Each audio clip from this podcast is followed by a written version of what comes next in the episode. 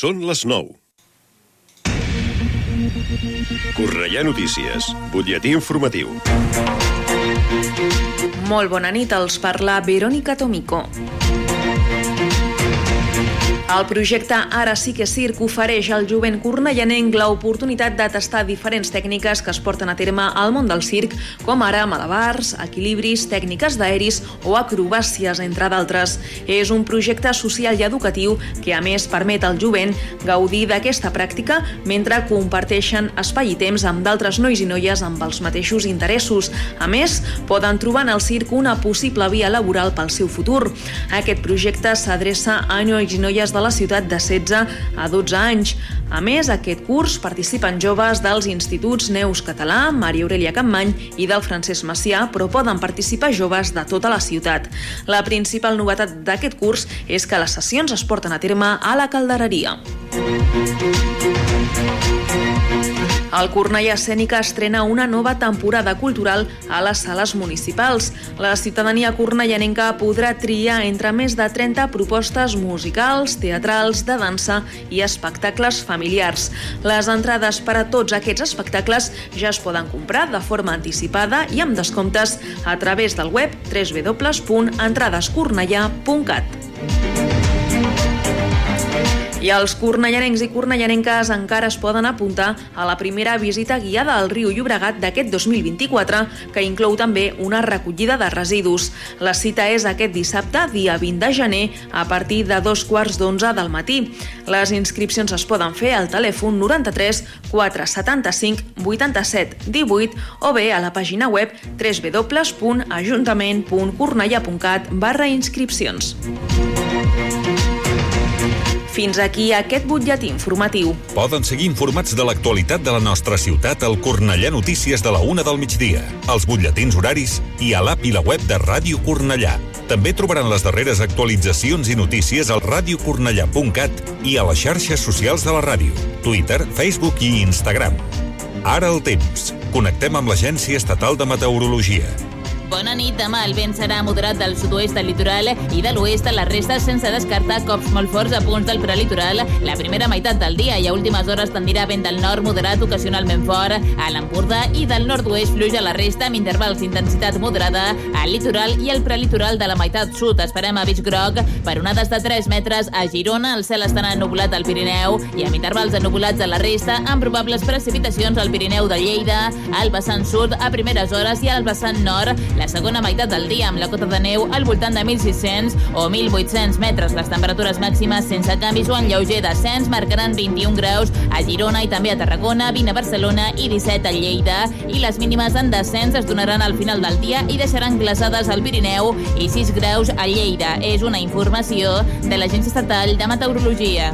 L'informació de Cornellà. Més a prop, impossible.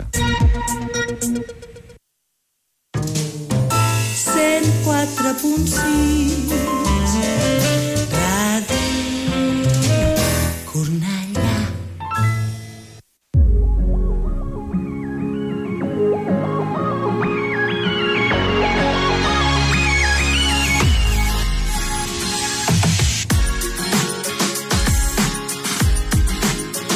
Ara comença Let's Go Creu Roja, mitja lluna roja i cristal roig, amb el patrocini de Conxeroria Montserrat.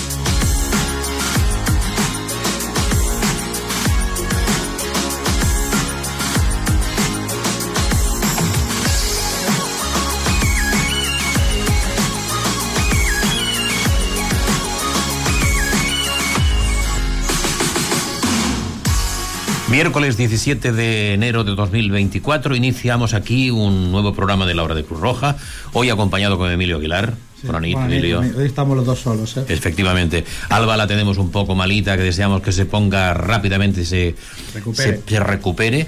Eh, nuestra enviada especial sigue, Sigue de enviada especial. sí, en sí. territorio de la costa mediterránea de enviada especial y nosotros, como siempre, iniciando un programa en el cual los titulares hoy hablarán eh, largo y tendido sobre el Día Mundial de los Primeros Auxilios, un tema importantísimo, la mejor respuesta ante la emergencia que es la que acostumbra a dar como norma general siempre Cruz Roja, en lucha por recuperar nuestro modelo de sanidad pública, que atender, atender al tema porque es importante saber, reconocer y sobre todo tener claro y notorio que parece ser que algo no funciona bien. Y nuestra intención es eh, difundirlo, es eh, comentarlo e intentar buscar soluciones dentro de lo que está en nuestra mano. El auge de la sanidad privada ante el deterioro de la pública es otra de las cuestiones que trataremos. Entraremos en la sección lúdica con nuestra compañera Olga Giorgi, que nos tratará de poner en tela de juicio determinadas uh, frases para que al final encontremos cuál es la adivinanza que hay que solucionar o que encontrar la solución. El hoy viajamos de nuestra compañera Mayalén Prieto nos llevará a un punto concreto de la geografía española ya. Hoy saldremos de la Cataluña. Hemos estado durante dos semanas hablando de una parte de Cataluña y ahora hoy saldremos y nos iremos al resto del territorio nacional. Y finalmente hablaremos de, ¿sabes qué almohada te conviene? Es un tema importante. Nuestra compañera Yelén Rivero nos informa y nos instruye sobre la almohada que debemos de adquirir para dormir lo mejor posible. Y luego otro contraproducente, si bebemos mucho café, que es la última noticia. Efectivamente. O sea... Hablaremos de si bebes mucho café y cuáles son los efectos que positivos además, ¿eh? Sí, sí, sí, que tiene bueno, en la piel de las personas. Y con esto acabaremos prácticamente el programa ya sobre las 10 de la noche y habremos eh, hablado de tantas cosas como primeros auxilios, que son los que hoy de alguna manera introducimos mediante esta pequeña cuña. No t'imagines com de valuós pot ser un gest a la teva empresa. Un somriure que motiva, un senyal d'aprovació que orienta, una compressió al pit que ajuda a recuperar una parada cardiorrespiratòria. Ensenya al teu equip els gestos més valuosos. Informa't i contracta els cursos de primers auxilis per a empreses a Cruz-Roja.es o al 902 22 22 92. Aprèn a salvar vides. Decíamos al inicio los titulares de que el día 9 de septiembre se celebró el Día Mundial de los Primeros Auxilios y entonces eso ha servido de alguna manera de inicio uh, o de empujón para hablar de eso, de los primeros auxilios. En medio de un paseo en la playa, en un concierto, en una celebración, en un partido de fútbol, por desgracia, en situaciones como estas, los accidentes también ocurren y ahí estar en el lugar de la emergencia y ser capaz de actuar puede llegar a ser vital para la persona afectada. Los primeros auxilios son el conjunto de actuaciones y técnicas que permiten la atención inmediata en el momento de un accidente o manifestación de una enfermedad que puede comprometer la vida de una persona hasta la llegada de un equipo especializado o hasta el traslado a un centro asistencial. Estar en el momento y saber actuar es lo importante. En España se producen 52.000 paradas cardíacas al año, de las cuales 22.000 ocurren en los hospitales y 30.000 en el entorno comunitario. Si ponemos el foco en las que ocurren en el entorno comunitario, tener conocimiento de primeros auxilios y actuar rápido desde la aparición de la parada cardíaca puede salvar vidas. Esto lo sabe muy bien Gregorio, un vecino de Valdepeñas, de Ciudad Real, que ahora cada 21 de febrero tiene un motivo para celebrar. Aquel día de febrero Gregorio se encontraba desfilando como un año cual cualquiera en el carnaval de Valdepeñas, cuando sin previo aviso cayó desplomado y entró en parada cardiorrespiratoria. Yo no recuerdo nada de lo que ocurrió, solo sé que estoy vivo y que ahora cada 21 de febrero tengo otros cumpleaños más que celebrar, comentaba el afectado. En momentos como estos, los segundos, los minutos, en definitiva, el tiempo para la persona afectada puede convertirse en su mejor o peor enemigo. Me comentaron que habían varias personas de Cruz Roja y una enfermera que gracias a ellos ahora estoy contando lo que pasó. Se sincera Gregorio que entre las personas de la organización por suerte estaba Álvaro, jefe de emergencias de Cruz Roja de Valdepeñas, que se encontraba disfrutando del desfile con su familia. Carmen, parte del equipo humano de Cruz Roja, así como Consoli, voluntario de la organización que también estaba allí, debido a la festividad. Los presentes, al presenciar el accidente y estar formados, actuaron sin pensarlo dos veces tanto que reanimar a Gregorio como para atender a otro en todo momento la familia de la víctima, como fue el caso de la voluntaria. Yo tuve la suerte de que varias personas con conocimientos en primeros auxilios estaban en el momento oportuno y pudieron actuar con rapidez. De no ser así, sería muy distinto, confiesa Gregorio. Ahora y gracias a que las personas como Álvaro de casualidad estaban en el lugar correcto y en el momento exacto, Gregorio se encuentra sin secuelas de lo ocurrido y con las mismas ganas o más de seguir viviendo pero eso sí, con una cosa muy clara, hacer ver a la gente que el conocimiento de los primeros auxilios es fundamental. Necesito que la gente sea consciente de que tener conocimientos en técnicas de reanimación y primeros auxilios salva vidas. Pero, ¿qué ocurre si la población la que debe intervenir? ¿Está preparada la ciudadanía para actuar en estos casos? Cuestión de minutos, formación especializada, rapidez y una, pizca de, y una pizca de fortuna es lo que determina salvar una vida o no. Y esa, eh, y esa que cada vida cuenta y por ello. Saber emplear los primeros auxilios y poder actuar en situaciones de emergencia es una tarea pendiente a la que se debe poner fecha y hora cuanto antes. Cruz Roja, como referente en la enseñanza de primeros auxilios, recuerda la importancia de formarse y no solo eso, sino de reciclarse formativamente para disminuir el riesgo de accidentes.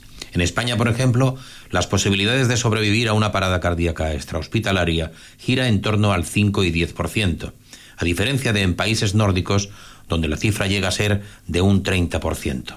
Esto pone de manifiesto que existe un margen amplio de mejora y de aprendizaje por parte de la sociedad. Cruz Roja, además de ofrecer formaciones presenciales, gracias a las tecnologías digitales pretenden expandir el acceso a la educación y la capacitación en primeros auxilios con el objetivo de empoderar individuos y comunidades para que sean capaces de actuar en situaciones de emergencia. Esta posibilidad permite que cualquier persona con o sin acceso a Internet aprenda primeros auxilios como una nueva forma de convertirse en un salvavidas. La organización tiene un portal web en su apartado de formación y a disposición de la modalidad presencial, semipresencial o online, que va desde iniciación a los primeros auxilios, curso en el que se aborda de una manera sencilla los contenidos más esenciales sobre primeros auxilios, facilitando las habilidades necesarias para poder hacer frente a las diferentes situaciones de emergencia que se pueden encontrar en situaciones cotidianas. Primeros auxilios básicos. En cualquier momento puede surgir una situación en que la vida o la integridad física de otra persona dependa de nosotros. Muchas veces basta con una acción sencilla, realizada en el instante preciso y de la manera adecuada para resolverla. En este curso, de la mano de Cruz Roja, se abordan las técnicas esenciales de primeros auxilios, desde la reanimación cardiopulmonar, un RCP, hasta cómo mover correctamente una persona herida o enferma, a prevenir riesgos en las situaciones domésticas más habituales, como ayudar a la familia si ocurre algún percance o cómo organizar el botiquín, haciendo del hogar un lugar más seguro y acogedor.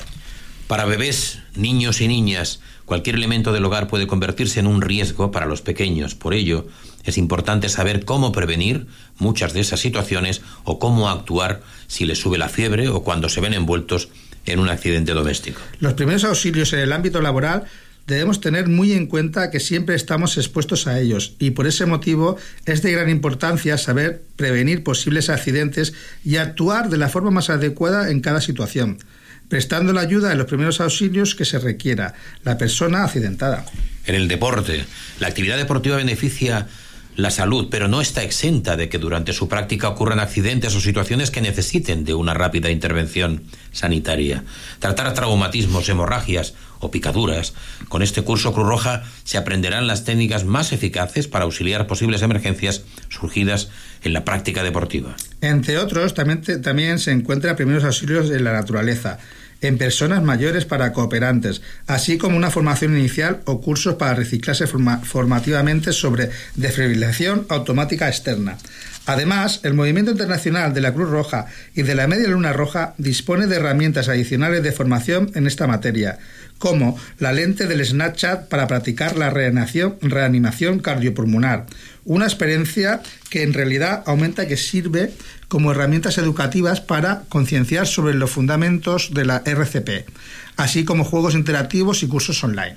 Dada la magnitud de este asunto y con motivo del Día Mundial de los Primeros Auxilios, historias como las de Gregorio son un ejemplo claro de que los primeros auxilios salvan vidas y de que está en nuestras manos formarse, sea de la manera que sea, para que la sociedad avance desde el compromiso y la responsabilidad individual y global. Al nostre voltant, milers de persones grans viuen una soledat que no desitgen. Des de la Creu Roja treballem per evitar-ho i et necessitem per ajudar-los i aconseguir que ningú més es torni a sentir sol. Fes-te voluntari de la Creu Roja i col·labora a erradicar la soledat no desitjada de les persones grans. Informa-te'n i descobreix els programes que dediquem a la seva atenció. La teleassistència domiciliària, l'acompanyament personalitzat i el suport a la seva autonomia en el seu entorn social són algunes de les accions que ens permeten combatre la soledat no desitjada de la gent gran. Gestos com aquests són claus perquè no es tornin a sentir sols. Ajuda'ls a recuperar el somriure. Festa sòcia de la Creu Roja a creuroja.org o al 900 104 971. Como podéis ver, hoy estamos en el ámbito puramente formativo, hemos hablado de primeros auxilios y ahora vamos a hablar de emergencias, porque cuanto más y mejor preparada esté la población, menos riesgo correrá y más protegida estará.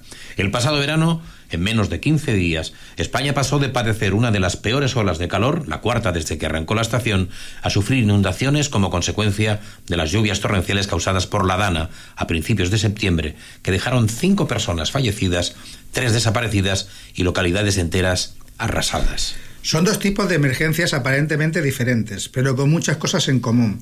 La más importante, cuanto más y mejor preparada esté la población, menos riesgo correrá y más protegida estará. Pero, ¿cómo se prepara la comunidad ante una emergencia? En la unidad de emergencia de la Cruz Roja tenemos una amplia experiencia en el ámbito de la respuesta de emergencias. Ocurre algo y respondemos de manera inmediata. Luego, con el apoyo de otras áreas, Cruz Roja mm, continúa el trabajo contribuyendo a la recuperación de las personas que han sido afectadas. Desde Cruz Roja estamos trabajando para que la preparación y prevención de la población sea la misma desde cualquier pueblo o ciudad ante cualquier desastre, tal y como ocurre en la respuesta frente a las emergencias. Aprovechando la experiencia del Movimiento Internacional de Cruz Roja y Media Luna Roja en este sentido, y después de definir aquellas áreas de trabajo que consideramos más prioritarias, la organización ha establecido seis puntos que se ponen en marcha de manera simultánea para poder trabajar. Las actividades a realizar son de carácter diverso. Por ejemplo, ayudar a las familias a elaborar un plan de respuesta, fomentar simulacros y entrenamientos, realizar formación relativa a la preparación antes de desastres del ámbito educativo, formar a la ciudadanía en primeros asilos o contribuir a apoyar los sistemas de alerta tempranas existentes. Iniciativas que persiguen llegar a toda la población, pero sobre todo a las personas más vulnerables y que tratan de minimizar las consecuencias que los desastres asociados a peligros naturales o provocados por el ser humano ocasionan en la población, la economía y el medio ambiente. Por ello, hablábamos de seis puntos para la preparación y la prevención, entre ellos incrementar el nivel de conciencia y conocimiento sobre los riesgos a los que estamos expuestos. Enseñar a las personas cómo deben responder frente a la emergencia. Promover una recuperación más rápida después de una emergencia buscando que, si vuelve a producirse, la ciudadanía esté más fuerte y preparada. Crear alianzas con la Administración Pública y otras entidades claves para fortalecer colectivamente la prevención y preparación ante emergencia. Frente a los desastres necesitamos sumar todos los apoyos. Influir en la agenda política para contribuir a que se cubran las necesidades en materia de preparación y prevención. Ampliar recursos y competencia de voluntarios para trabajar en la prevención y preparación y reforzar nuestras propias capacidades y competencias para ser de la máxima utilidad a la población. Ser per meva i ara és tan llunyana Però prohibir-me recordar-te sempre és impossible És impossible. No m'ho perdono, tu passes de mi. Ja va expirar tot el que hi sentia.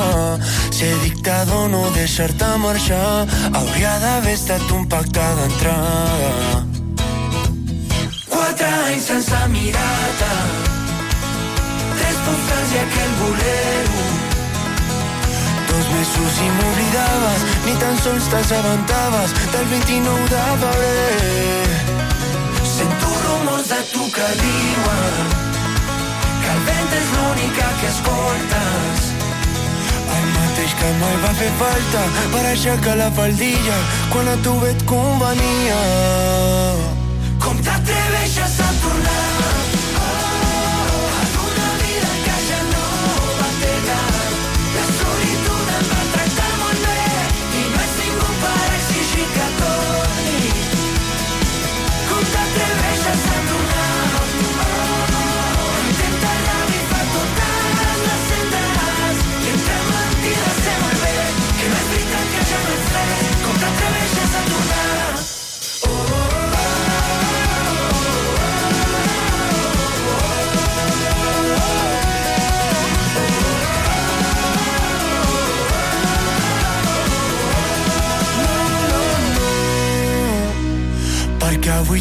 perquè avui tornes i te n'aniràs Tantes mentides que al final confonen. Mai vaig ser bo per poder distingir. Per molt que ho negui, sempre me les menjo.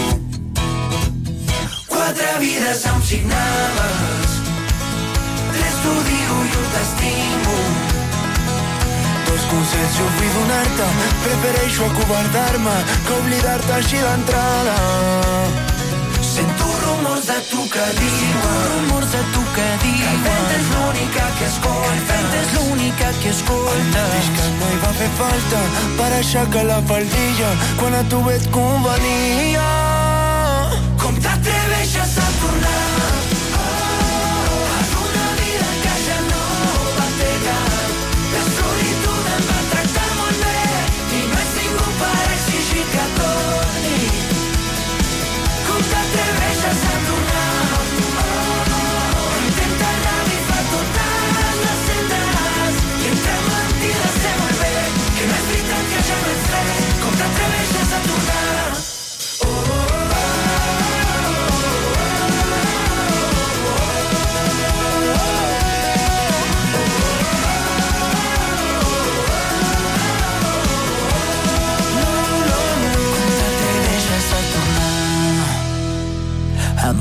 mal però aguanto viu i amb forces. Amb tu jo em vaig acostumar a patir. Avui el meu cor batega sense ritme. No!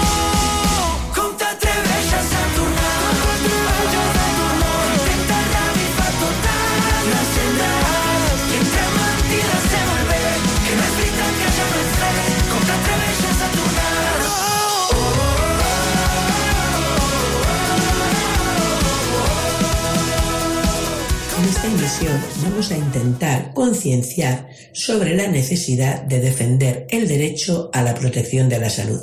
El derecho a la protección de la salud se reconoce en el artículo 43 de nuestra Constitución y se concreta en la Ley General de Sanidad, Ley 14 de 1986, que establece su financiación pública, universalidad y gratuidad, su descentralización autonómica y su integración en el Sistema Nacional de Salud. Debemos decir que en el sistema español no solamente se puede hablar de sanidad pública o privada, sino que hay diferentes espectros. En primer lugar, existen los hospitales de titularidad pública con gestión pública. Por otro lado, los hospitales de titularidad privada con gestión exclusivamente privada.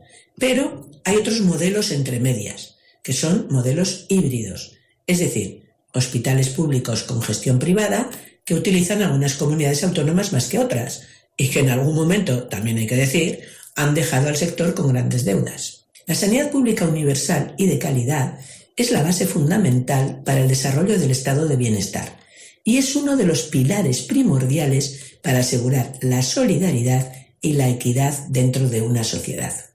En los últimos años se está observando la difusión de una campaña generalizada para desprestigiar y desmantelar los sistemas públicos de salud. De tal manera que se pretende privatizar los sistemas sanitarios públicos y que, en definitiva, lo que se busca es una oportunidad de negocio. Esta tendencia internacional hacia el desmantelamiento de los sistemas sanitarios públicos afecta a todos los países en mayor o menor medida.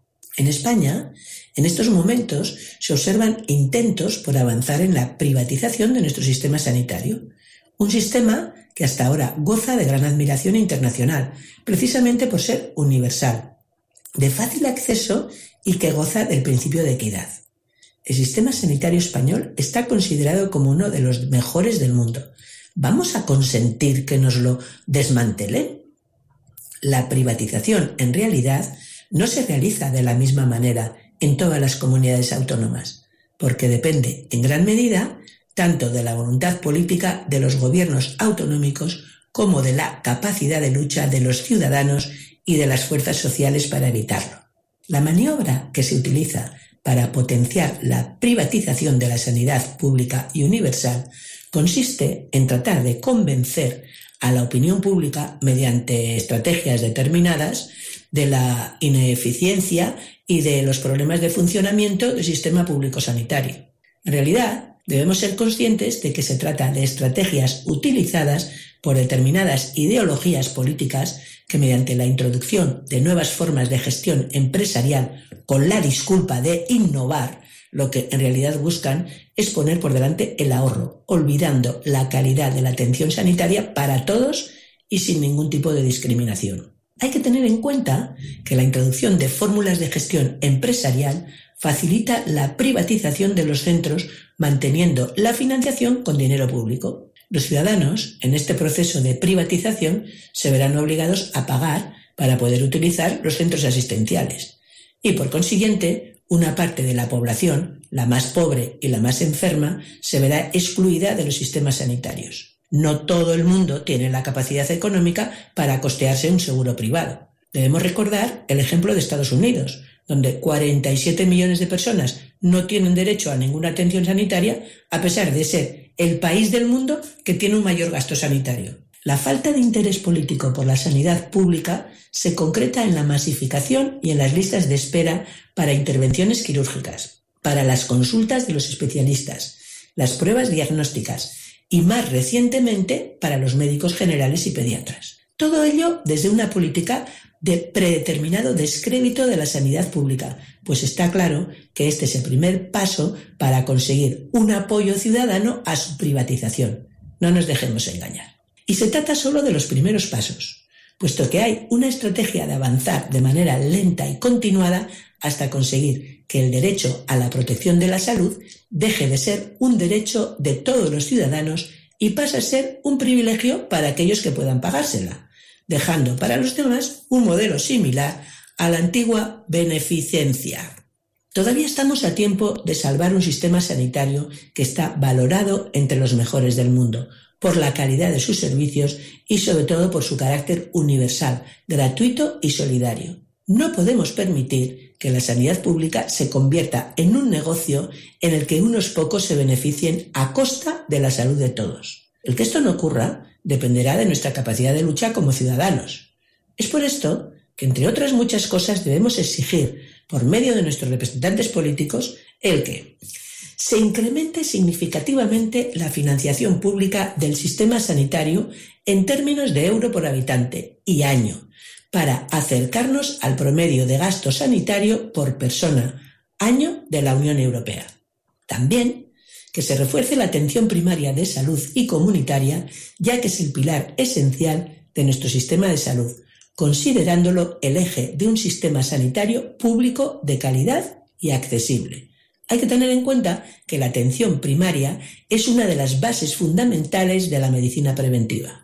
Asimismo, que se incremente el personal de medicina y enfermería, mínimo un médico o médica de familia y un enfermero o enfermera de familia y comunitaria más por cada 10.000 habitantes. Y planificación a medio plazo sobre las necesidades profesionales en atención primaria basadas en indicadores de la población, como pueden ser el envejecimiento, la ruralidad, la vulnerabilidad social y económica, la dispersión, etcétera, etcétera, garantizando en todo caso que las y los profesionales de la sanidad pública trabajen en condiciones de plena seguridad y sin precariedad.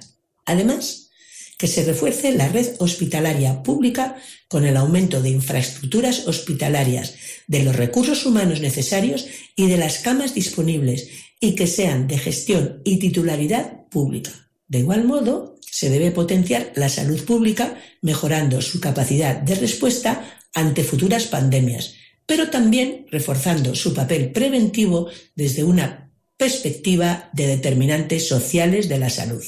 Igualmente, se deberá potenciar una mejor coordinación entre los servicios sanitarios y sociales y también el diseñar unas medidas laborales que garanticen la adecuada dotación de personal, tanto de categorías sanitarias como de gestión y servicios, así como una mejora de sus condiciones laborales. La equidad en el acceso a las prestaciones sanitarias debe definirse en un sentido amplio, que incluya desde la igualdad del derecho a la protección de la salud hasta la igualdad en la obtención de una atención sanitaria efectiva y de calidad.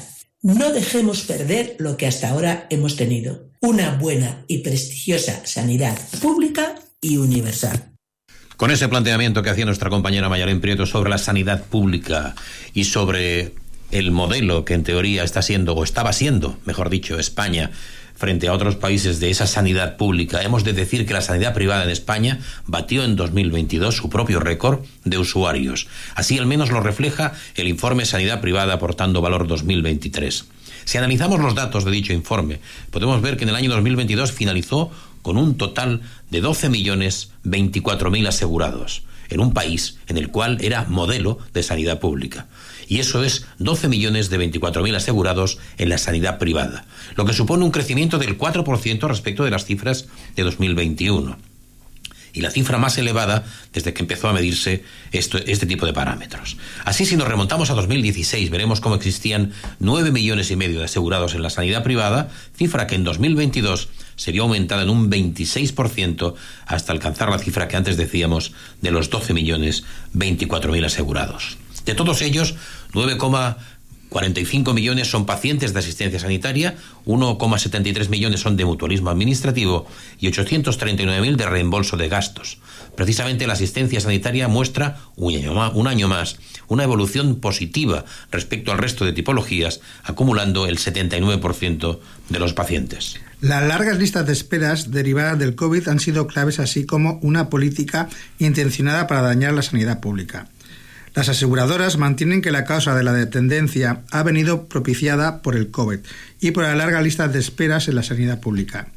Las demoras entre 15 y 20 días para poder obtener una asistencia telefónica al mes y medio para obtener una visita con el médico de familia, los varios meses para la visita con un especialista y hasta más de un año para unas intervenciones quirúrgicas han propiciado la tendencia al crecimiento de la contratación de seguros privados. Desde la Federación de Asociaciones de Defensa de la Sanidad Pública defienden una teoría muy distinta del porqué de este auge de la sanidad privada. Su presidente mantiene que es el resultado lógico y buscado del deterioro de la atención primaria. Este deterioro se habría encontrado con serios problemas con el COVID, porque los casos de los escasos recursos se tuvieron que destinar a luchar contra la pandemia. Apuntan que el problema viene de lejos porque en la anterior crisis se hicieron recortes muy sensibles y ahora con la pandemia el sistema ha mostrado su debilidad. Cargar contra los gobiernos estatales y autonómicos porque en la Comisión de Reconstrucción afirmaron que era prioritario tener una atención primaria estable, firme y robusta, y nada de eso se ha visto reflejado en los presupuestos. Desde luego, esto es una política intencionada, una hoja de ruta centrada en, el en deteriorar el sistema de salud. En opinión a la Federación de Asociaciones de Defensa de la, de la Sanidad Pública, la solución pasa por reforzar el sistema sanitario público. El compromiso era que el gasto superase los 1.000 euros por habitante y no llega a un centenar de euros, por lo que es necesaria más inversión centrada especialmente en la atención primaria cuya situación es límite. El problema es que una gran parte de la población no puede permitirse pagar un seguro privado y con este desmantelamiento de la sanidad pública va a tener que asumir más demoras y menor calidad. En este sentido, señala a Madrid y recientemente a Andalucía como las regiones donde este proceso se estaría acelerando a un mayor ritmo. Y es el deber nuestro, no solamente en esas comunidades autónomas, sino también en Cataluña y en el resto de comunidades autónomas, el hecho de luchar por mantener esa sanidad pública y además luchar con coraje.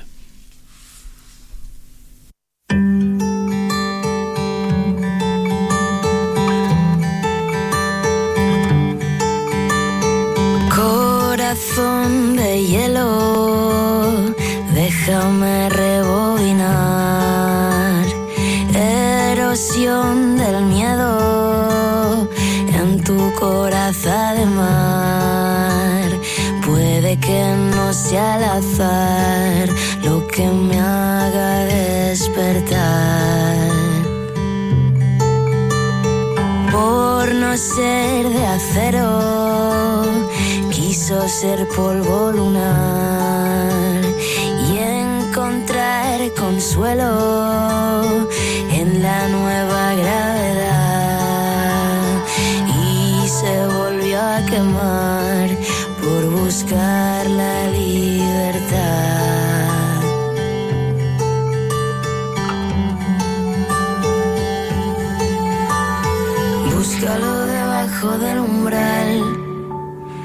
de todas las cosas que no supo amar y en cualquier regazo lo verás llorar. Búscalo debajo del umbral de todas las cosas que no supo amar y en cualquier regazo lo verás llorar.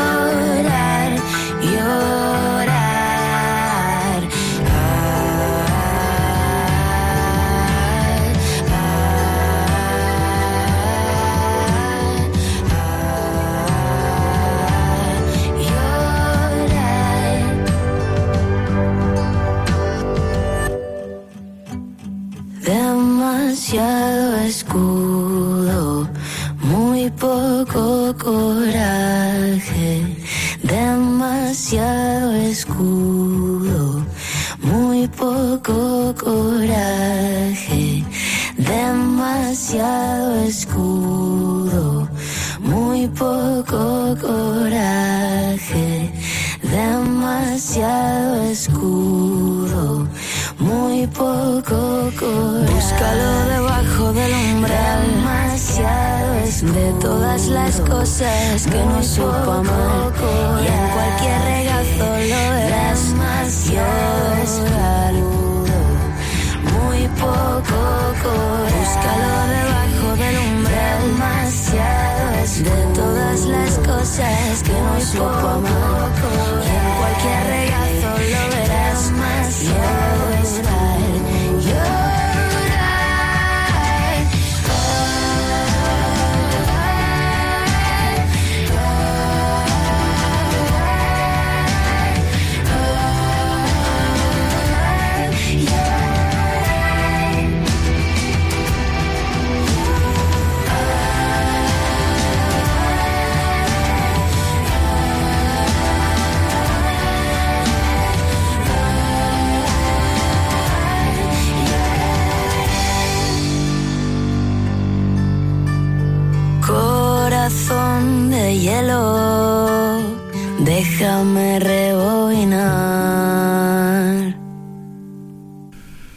horas 36 minutos. Os recordamos que estamos en la hora de Cruz Roja en el 104.6 de la FM Radio Cornella y que además tenemos la sección lúdica con nuestra compañera Olga Giorgi, que la semana anterior nos eh, brindaba una adivinanza que teníamos que o teníais que responder a través de una nota de voz, pero vamos a escucharla y así la recordamos. Buenas noches, escuchantes.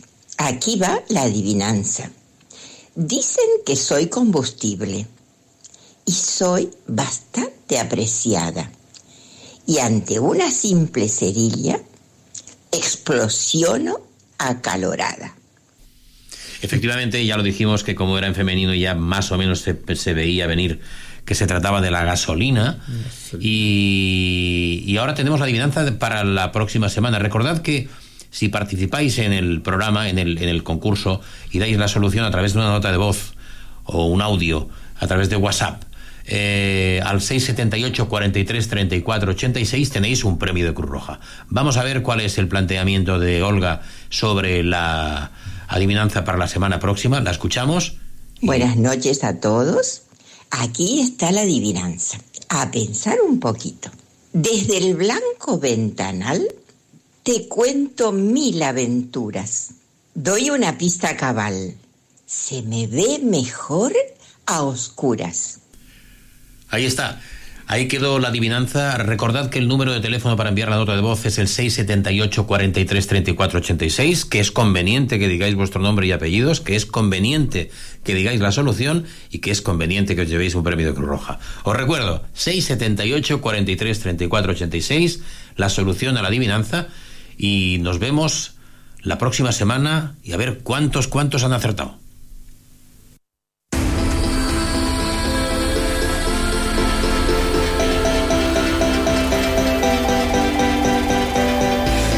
Que jo m'amago sota els meus llençols.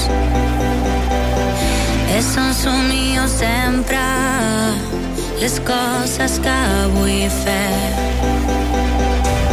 Va robar millor de mi, però no em pensaràs així. Penses que no queda ja res de bo. De tu lo em vas destrossar, però jo sóc més fort que tu tu t'equivoques no em coneixes. O el que no et mata et fa més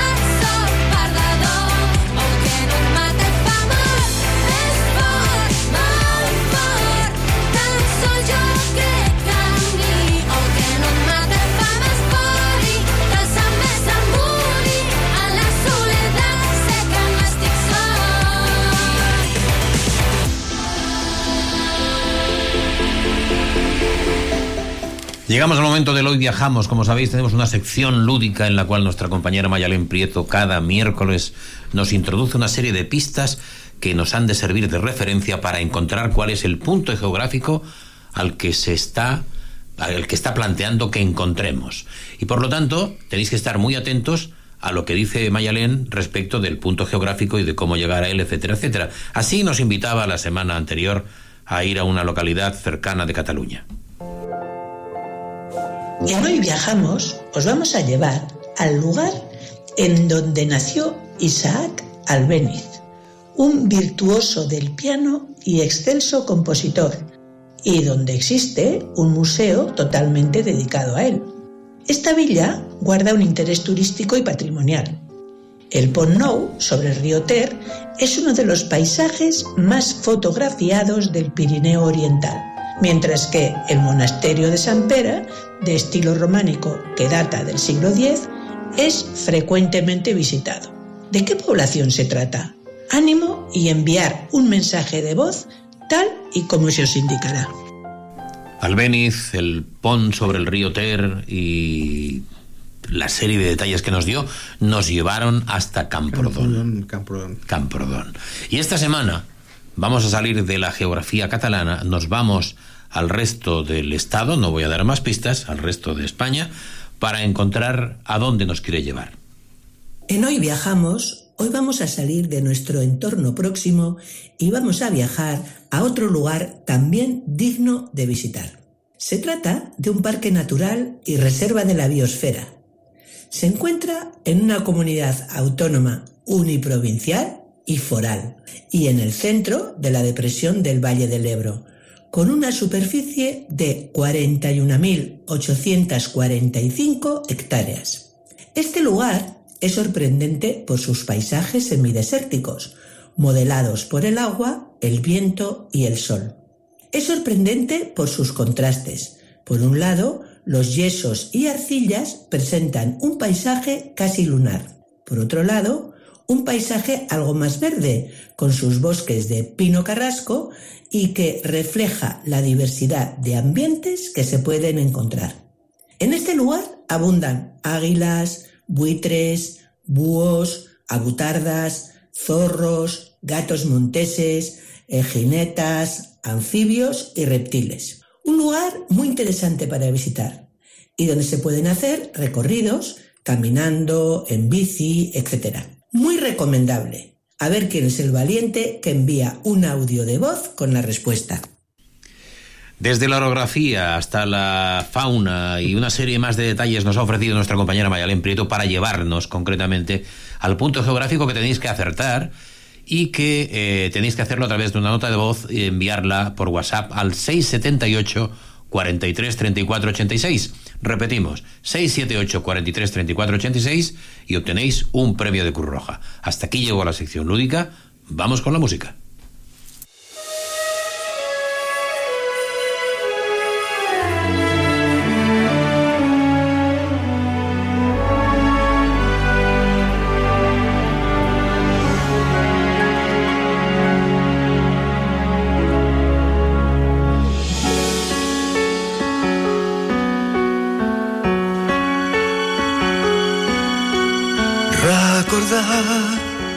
Sempre quan jo em sento el sol i perdut sense tu al meu costat. Recordar ara i sempre que jo em sento tan enfonsada i les llàgrimes omplen els meus ulls. Recordar ara i sempre que jo perdo el nord a la vida sempre vull pensar que tu és el consol. Recordar ara i sempre que les pors s'allunyen de mi buscant la pau en el fons dels teus ulls. Recordar sempre.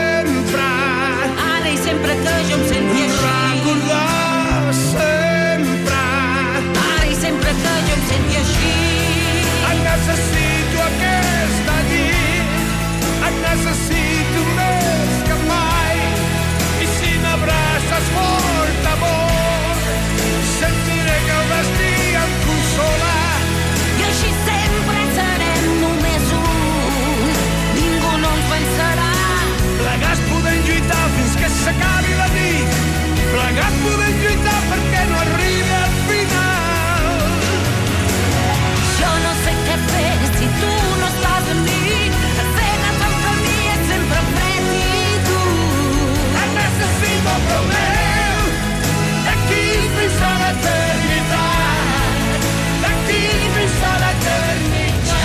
de temps jo em vaig enamorar i ara em trenco a trossos per tu.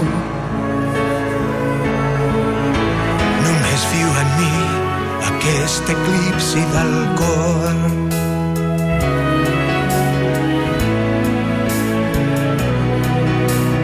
Ja fa molt de temps una llum als teus ulls que ara s'ha apagat era pau. Només viu en mi aquest eclipsi cor. Recordar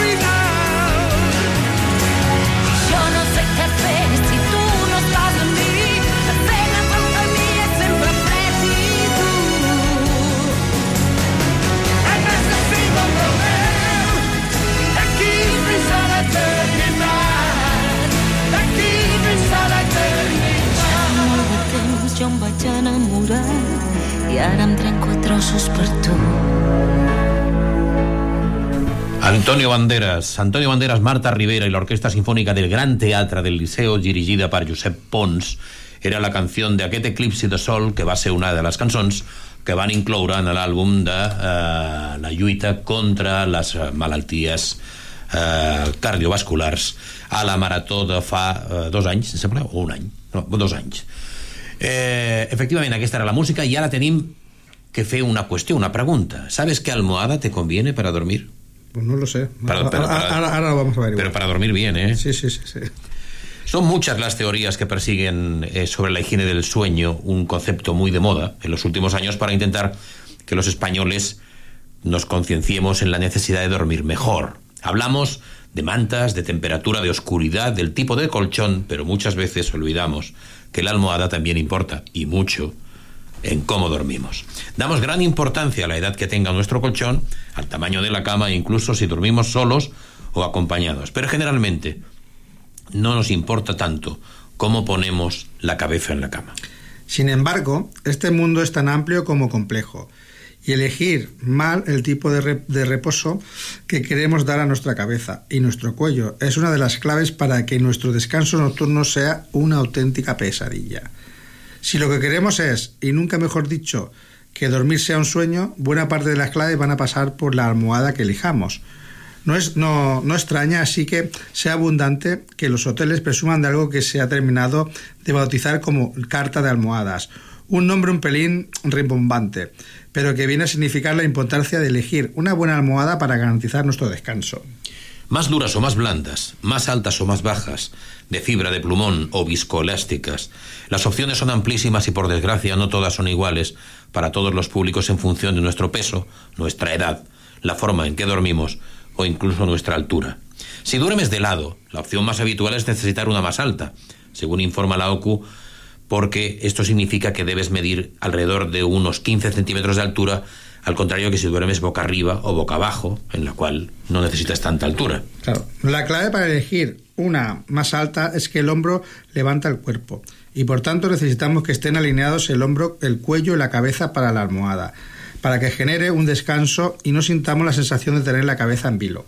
Por el contrario, si duermes boca arriba, necesitas una almohada que no levante tanto la cabeza, ya que puede ser motivo de un malestar cervical debido a una excesiva inclinación. Esto significa que no debería estar superado los 12 centímetros de altura. Por último, si dormimos boca abajo necesitamos una almohada lo más baja posible, alrededor de unos 10 centímetros de alto, y que se comprima bien, porque de lo contrario, lo que va a estar generando son tensiones innecesarias en los músculos del cuello y la cara al apoyarse. Vamos a dar tres pistas para elegir. Las almohadas se pueden comprar en grandes almacenes, es evidente, en colchonerías, en tiendas especializadas o incluso a través de internet. Pero nuestra recomendación siempre va a estar en la que en que las probemos en la medida de lo posible o al menos podamos comprobar de primera mano su firmeza, textura y capacidad de comprensión por nosotros mismos. Comprar a ciegas un producto que además tiene muy difícil devolución por cuestiones de higiene es una mala idea. Podríamos pensar en nuestro peso va a influir de manera muy directa en el tipo de almohada que necesitamos, pero no es así. Lo que sí afecta bastante es nuestro tamaño. Por tanto, si somos una persona pequeña necesitaremos una más baja. Como es evidente, si somos más altos necesitaremos almohadas más altas. El peso, sin embargo, afecta más al tipo de colchón que al tipo de almohada. Como también puede resultar lógico el tipo de colchón que utilicemos, va a ser clave para saber qué tipo de mm, podemos utilizar. La firmeza de un colchón, sea más blando, sea más duro, va a condicionar enormemente nuestro descanso y la almohada que vayamos a elegir. Si tenemos un colchón duro, necesitamos almohadas un poco más altas, porque nos vamos a hundir poco en él y entonces no tienen que responder de la misma manera. Si por el contrario tenemos un colchón blando, necesitamos opciones igualmente blandas y bajas que permitan absorber esa misma fuerza. Por último, recordar que además es conveniente que elijamos aquellas que se adapten a nuestro tipo de cama y a nuestro tipo de descanso. Y tengamos en cuenta que no necesariamente la almohada que va a venir bien a nuestra pareja cuando durmamos en una cama de matrimonio va a ser la que a nosotros nos beneficia. Del mismo modo que comprendamos que las almohadas también tienen una vida útil, que se estima entre uno y dos años, un tiempo muy inferior al que dura el colchón, pues se deforma con mucha más facilidad y absorbe mucha más la humedad. ¿Son tan, son tan iguales las almohadas, Joan? Más duras, más blandas, más calurosas, más resistentes, más altas, más transpirables.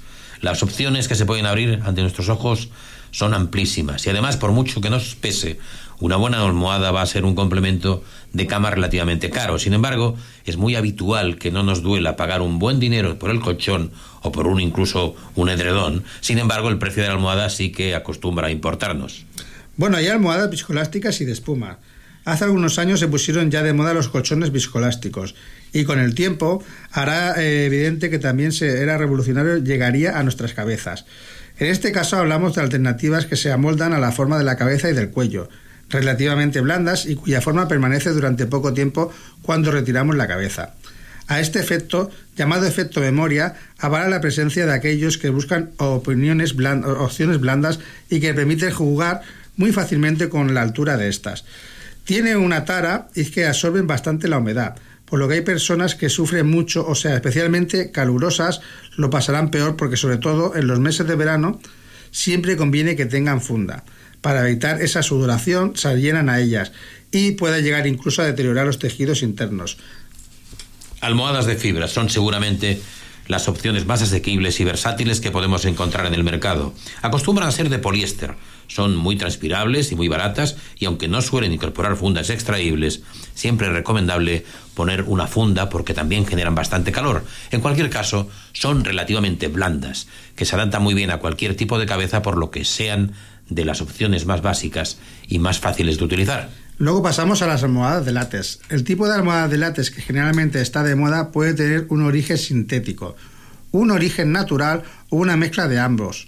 La gran ventaja que ofrecen estas es de un gran sujeción a la cabeza, por lo cual es muy interesante para las personas que duermen de lado o las personas que son muy voluminosas. Además, tiene una ventaja añadida respecto a los alérgicos, ya que elimina mejor la dificultad de la proliferación de los ácaros. Así que las personas que sufren alergia a este tipo de animales pueden apostar con ellas con más seguridad. Uno de los clásicos que por su origen animal no necesariamente van a ser mejor que las alternativas sintéticas es la almohada de plumas o de plumón. En cualquier caso, siempre vamos a hablar de respaldos blandos fácilmente deformables y que vuelven con facilidad al punto de partida inicial. Sin embargo, las de plumón no son aptas para todos los públicos, sobre todo para aquellas personas que sean muy grandes o se mueven en exceso durante la noche. La mejor opción para elegir este tipo de soportes es para aquellas personas que duermen boca abajo y necesitan una opción blanda y que sin embargo no coja demasiada forma. Y ya por último vamos a las almohadas de cervicales. Se caracterizan por tener una forma ondulada que se amolda perfectamente al hueco del cuello del usuario, lo que favorece que se alinee a la forma correcta tanto de la columna como el cuello como la cabeza. Permiten un mayor soporte cervical y de esta manera alivian también los hipotéticos dolores de los músculos del cuello, sobre todo en personas que tienen cierta edad o tienen especial tendencia a sufrir malestares cervicales. Son asimétricas, no son para todos los públicos y tampoco deberíamos compartir nuestra almohada cervical porque cada cuello demanda un tipo diferente. Tampoco son especialmente válidas para las personas que se muevan mucho en la cama y además obliga a dormir de una forma muy concreta. Así que es una almohada que, que con guía de uso. Con mucha exhaustividad y con una cierta comodidad hemos llegado al final del programa.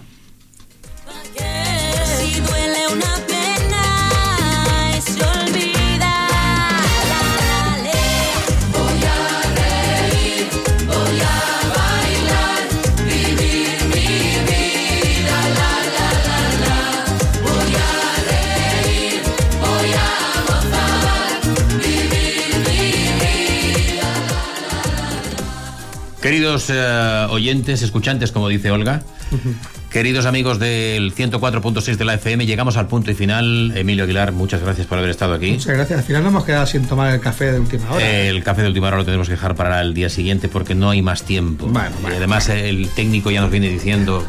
Cortar, eh, cortar, acabamos cortar. el tiempo, que, acabamos el tiempo. que si no vais a poner espitosos con el café y no vais a estar aquí hasta las 12, ¿verdad? Bien, suponemos y deseamos que la semana próxima estarán con nosotros nuestras compañeras de locución.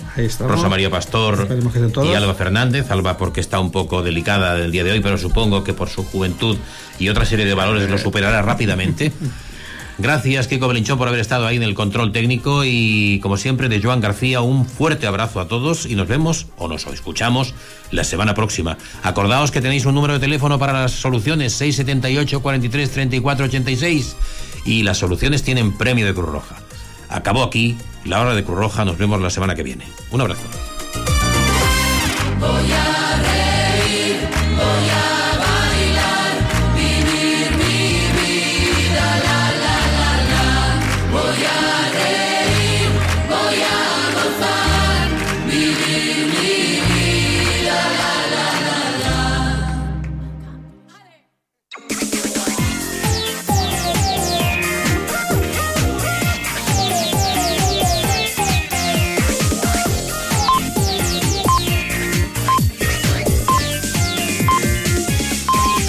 Són les 10.